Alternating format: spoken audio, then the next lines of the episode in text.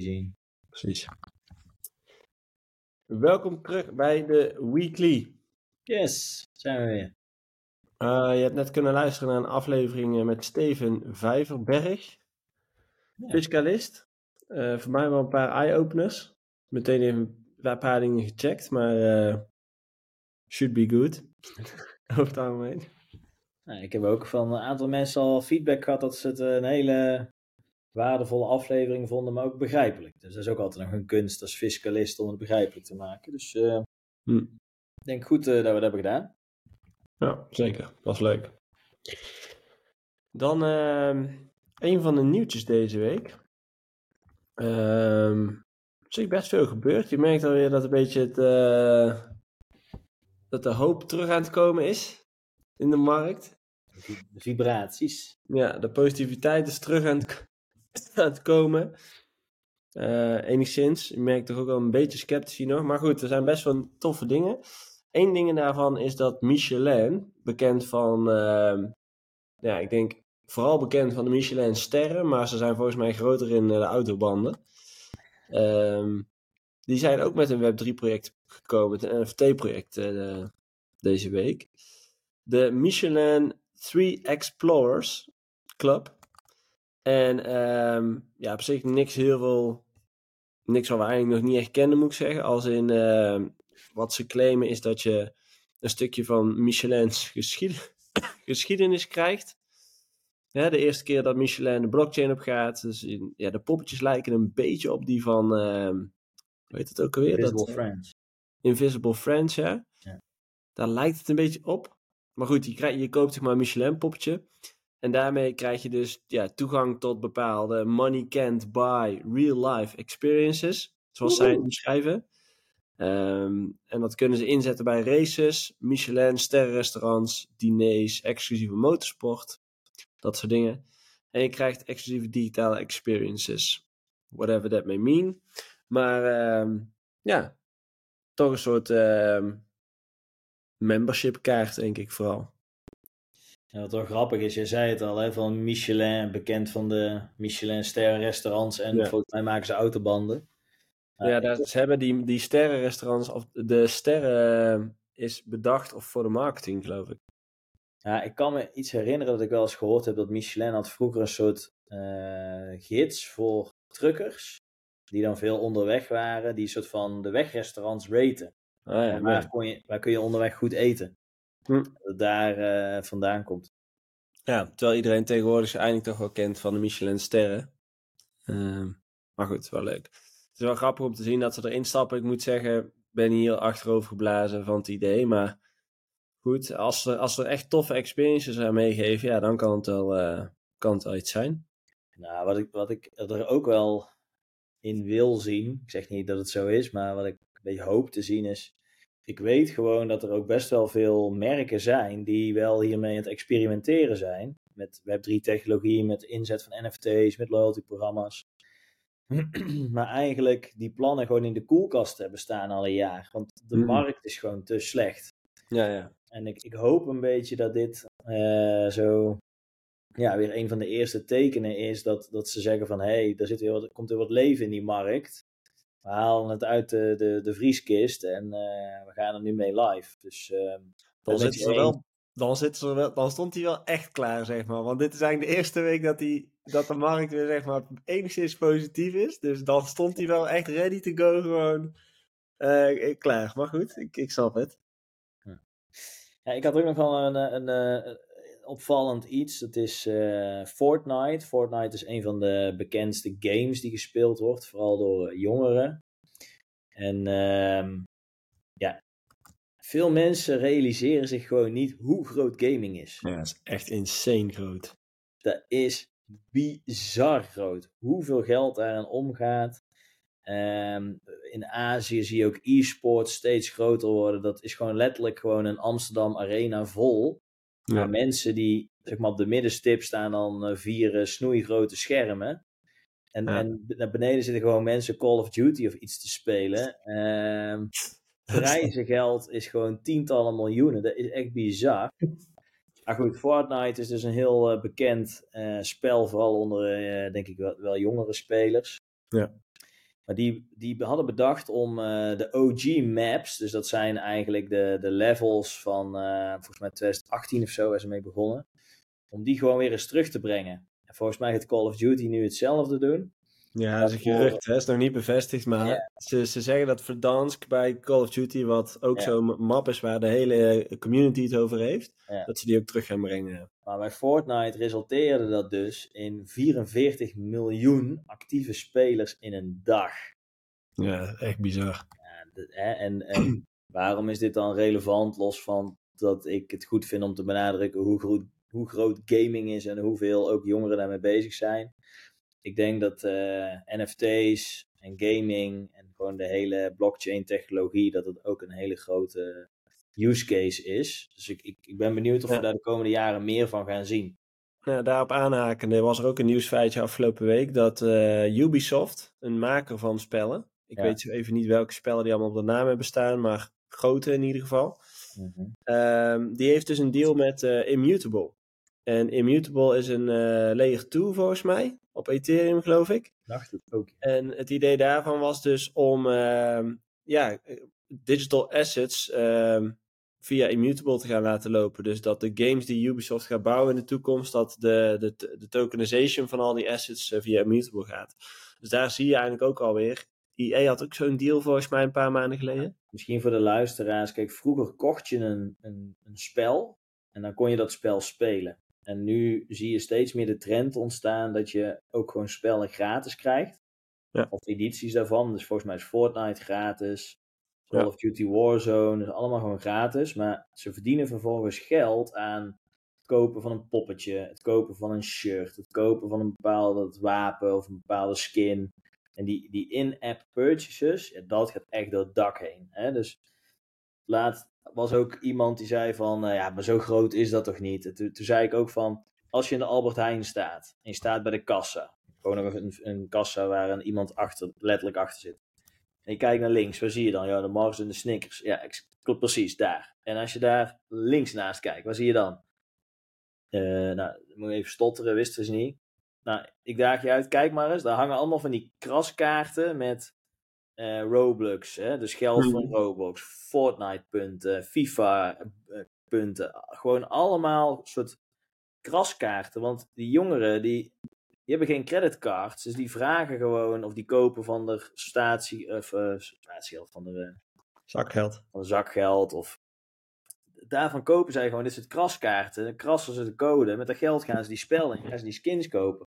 Alleen Ja. je kunt nu die skins dus niet meenemen uit die spellen. En dat is wat NFT's en blockchain oplost. Dus dit Ja. is hè, digitaal eigenaarschap. Ja, dat wordt, eh, dat wordt goud. Wordt echt eigen, eigendom van jou. Ja. Uiteindelijk. Ja, top.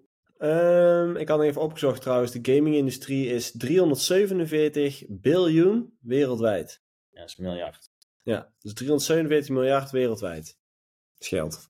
geld. Ja. Oké. eh, dan was er ook afgelopen week wel iets leuks.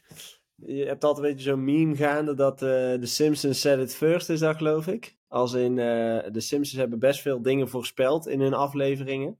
Mhm. En eh, deze week was er een aflevering waarin ze NFT's eh, op de hak gingen nemen.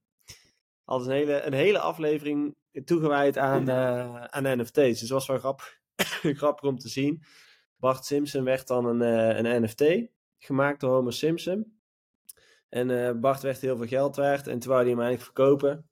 Eh, maar daar, daar wilde Marge, zijn vrouw, wilde dat niet.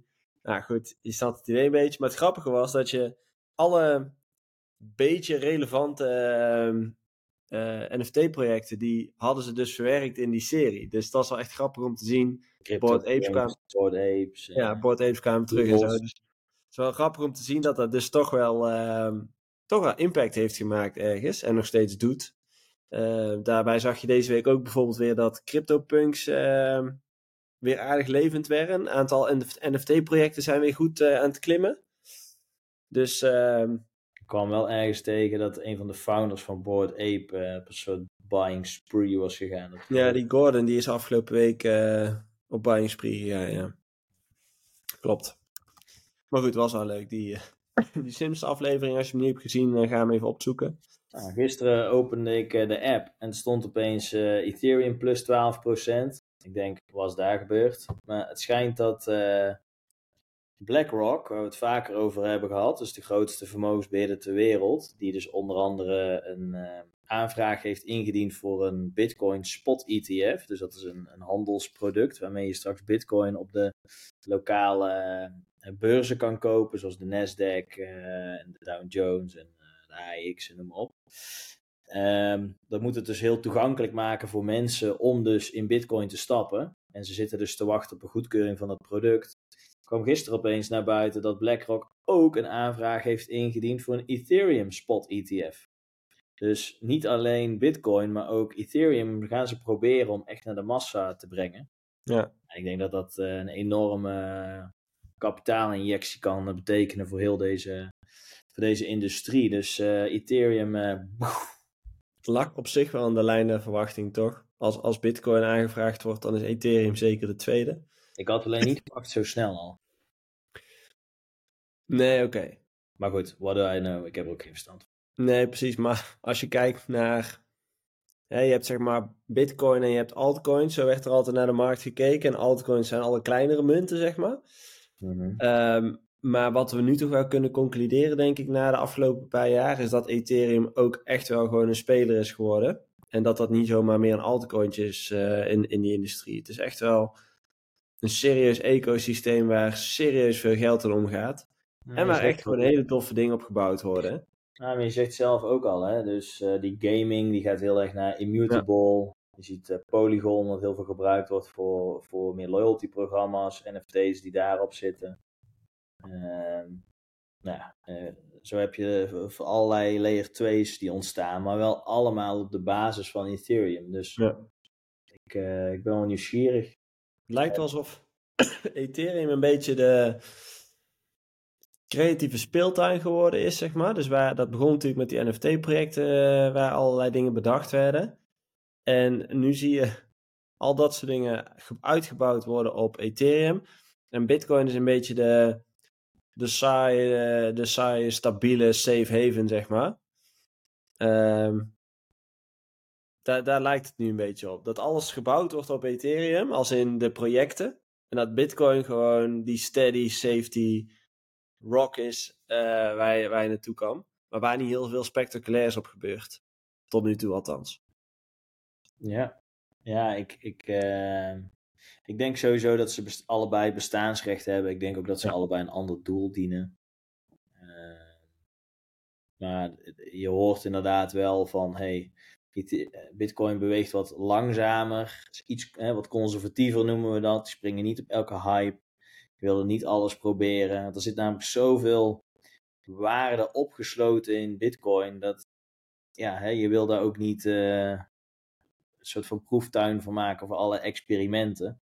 En in die context zie je inderdaad wel dat ja, misschien Ethereum wat meer uh, de speeltuin is, waar wel zomaar van alles geprobeerd en gedaan wordt. En uh, ja, als dingen werken of lijken te slagen of, of use case hebben, dat dan de Bitcoin community erover na gaat denken van kunnen we dat over. Um, ja, dat zag je met die ordinals ook, hè? Dus dat zijn eigenlijk uh, NFT's op Bitcoin. Ja. Um, dat dat een beetje overhemelt, maar... Ja, nu, nu, nu vraag je misschien al als luisteraar van, maar waarom zou je dan überhaupt nog Bitcoin willen? Want dat, dat hoor je ook wel eens, dat sommige mensen uh, vinden Bitcoin al ouderwets worden. Maar ja, Bitcoin is wel gewoon nog steeds veruit het meest veilige en meest stabiele netwerk wat er, uh, wat er is. En daar hechten dan weer uh, de volwassen partijen met de big bucks veel waarde aan. Dus ja. ik zou het niet zomaar dismissen, om het zo maar te zeggen. Nee, inderdaad. even kijken hoor, dan, je had nog iets opgeschreven over Humane's AI-pin. Nou, dat is iets, uh, iets, iets wat uh, ik langs zag komen in de, in de chats op uh, de website van Wired. Wired is een, nou, is een blad, het is een website, het is van alles. Maar er komen ook een hoop gadgets langs. En er is dus een nieuwe, een nieuwe start-up in Silicon Valley, dat heet Humanes. En die hebben een soort apparaatje, gaan ze op de markt brengen. En dat heet de AI-pin. Dat is een soort klein, klein vierkant kastje. Wat je als een soort uh, speldje of zo op je shirt draagt. En in hun optiek gaat dat de smartphone vervangen. Dus ehm, ja, je kunt daar gewoon tegen praten en dan heb je een soort AI-bot. Ehm, die informatie voor je kan opzoeken. Dus in plaats van dat je zelf op je telefoon gaat googlen, kan je gewoon vragen stellen aan die assistent. Dat je kan foto's maken, je kan met je, je handen bewegingen doen. Ik geloof dat je zelfs je handpalm kan laten zien en dan gaat een laserstraal heel klein zo op je hand zo projecteren wat het wil laten zien of vertellen of zo. Het is echt een beetje Star Trek-achtige. ja, ik zit hier even op die website te kijken, of in ieder geval het Wired uh, um, artikel. ja, ik moet zeggen, dit is groot minidisc voor mij. Als in, ja, ik, ik, ik weet het niet. Ik zie het hier voor me. Wat moet ik hiermee? Toch? De, leuk dat dat ding dingen leest, maar ja, een iPhone heeft voor mij nog veel meer toegevoegde waarde als ik het vergelijk met dit. Boomer. Nee, ja, ik zie, ik zie die toegevoegde waarde niet. Als in, wel dat zo'n mini is dat je dacht, ja, oké. Maar wat doet het nou echt? Kijk, uiteindelijk wil je natuurlijk naar een soort lens toe of zo. Of iets wat, wat een, een, een, een augmented reality eroverheen legt. Of iets dat je je telefoon gewoon in je scherm, in je ogen ziet. Zoiets zal denk ik het eindresultaat zijn. Maar dit voelt echt een beetje als... Uh, ik weet het niet. Het Zit hier een scherm bij ook of zo? Het is een nieuw, nee, er zit volgens mij geen scherm op. Het is een nieuw soort wearable, uh, sorry, wearable, wearable. Hè? Dus een, uh, het is gewoon een ja. apparaatje wat je bij je draagt, net als een Fitbit of een smartwatch. Weet je, We noemen het een body-worn camera. Ja. ja, je ziet natuurlijk ook, hè, daar hebben we het ook eerder over gehad, die Ray-Ban zonnebrillen waar allerlei tech uh, in zit. Ja. ja. Ik denk dat we dit de komende jaren gewoon steeds meer gaan zien je hebt in principe natuurlijk maar een klein apparaatje nodig met een internetverbinding en een link naar uh, ChatGPT of zo. Mhm. En je kunt er gewoon dan al, al best wel wat, uh, wat power uithalen. Kijk, wat ik meteen denk is, uh, koop je een mooi shirt van 100 euro. En dan moet je zo'n zo'n ding erin gaan prikken. Ja, het zou met magneet werken, daar zie ik dan eerder voor me. Maar dat zou ook, ja, ik weet het niet. Het is het niet toch? Als je ernaar kijkt, denk je, ja, Hey, ik wil in ieder geval niet op mijn geweten hebben dat je in de Web3 Pioniers podcast niet als een van de eerste te horen kreeg in de wereld dat smartphones dood zijn. En dat we allemaal aan de AI-pins gaan.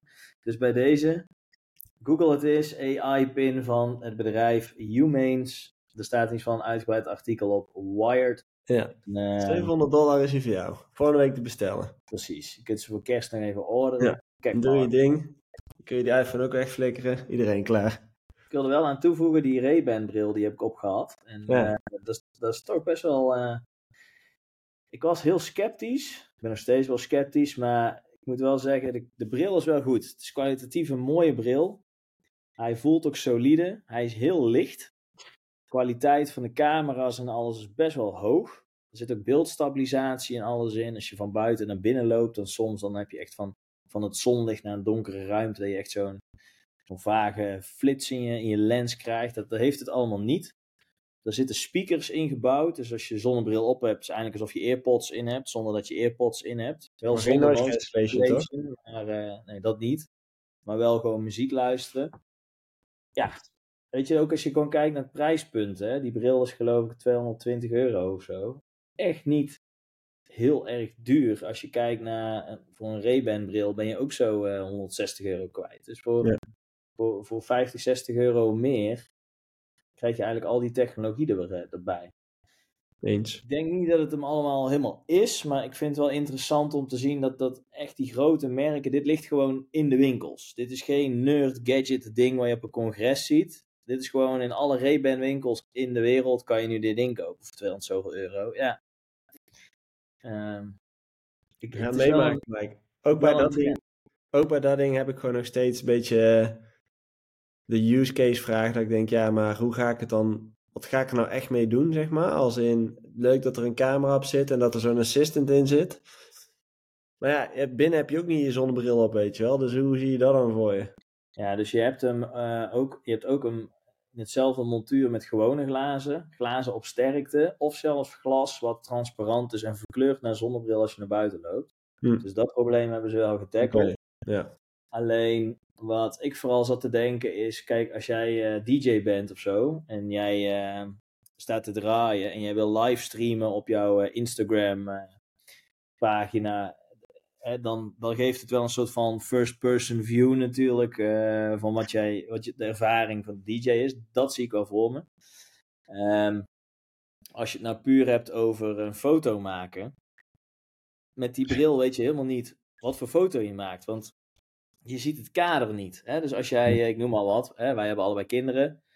Als je een foto van je kinderen wil maken, dan, dan kniel je even door je hurken heen. Je pakt je iPhone, je houdt die wat dichterbij, wat verder weg. Je, je draait, je, je houdt hem een beetje gekanteld om een mooie compositie te komen. En dan, dan maak je de foto. Maar met die bril op, moet ik dan op zijn kop gaan hangen met een zonnebril op mijn hoofd. Om soort van te gokken dat ik de foto goed heb. Dus Ja. ehm, ik ben benieuwd. Misschien komt er een hele bijzondere use case uit die wij nou compleet over het hoofd zien, maar ik, ik weet het nog niet. Als in, ehm, wel, wel weer een, een stap verder, maar mwah.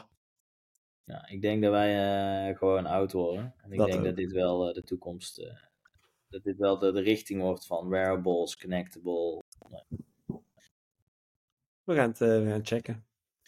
Dan hebben wij eh, volgende week de Dutch Blockchain eh, Week staan. Eh, Ja. Waarop jij eh, moet spreken hè, bij eh, de 15e bij ASML. ASML. Ja, ik ben een van de panelleden inderdaad. Ja. Ik zag wel een mooi lijstje met allerlei sprekers. Dus ehm, ja, we horen of we iets gewonnen hebben hè, met de Web3 Pioneers podcast. kan toch haast niet anders. Kan, als Al onze iedereen gaat stemmen. luisteraars hebben gestemd. Ja, dus als we niet winnen, we blame you. Stoppen we met de show. Ja, ga erop. Het dicht.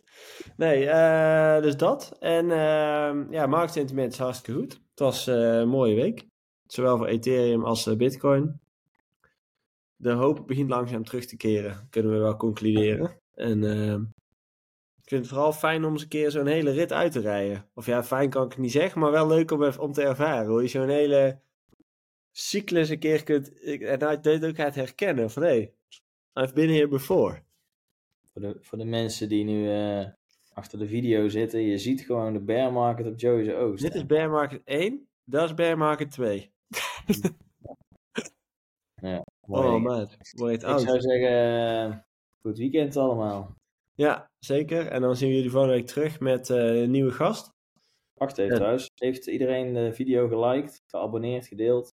Naar een vriend doorgestuurd? Ik hoop ik wel. Nee, oké. Denk het wel. Dan zou gewaardeerd worden. Dank je. En eh, dan zijn we volgende terug met een nieuwe gast.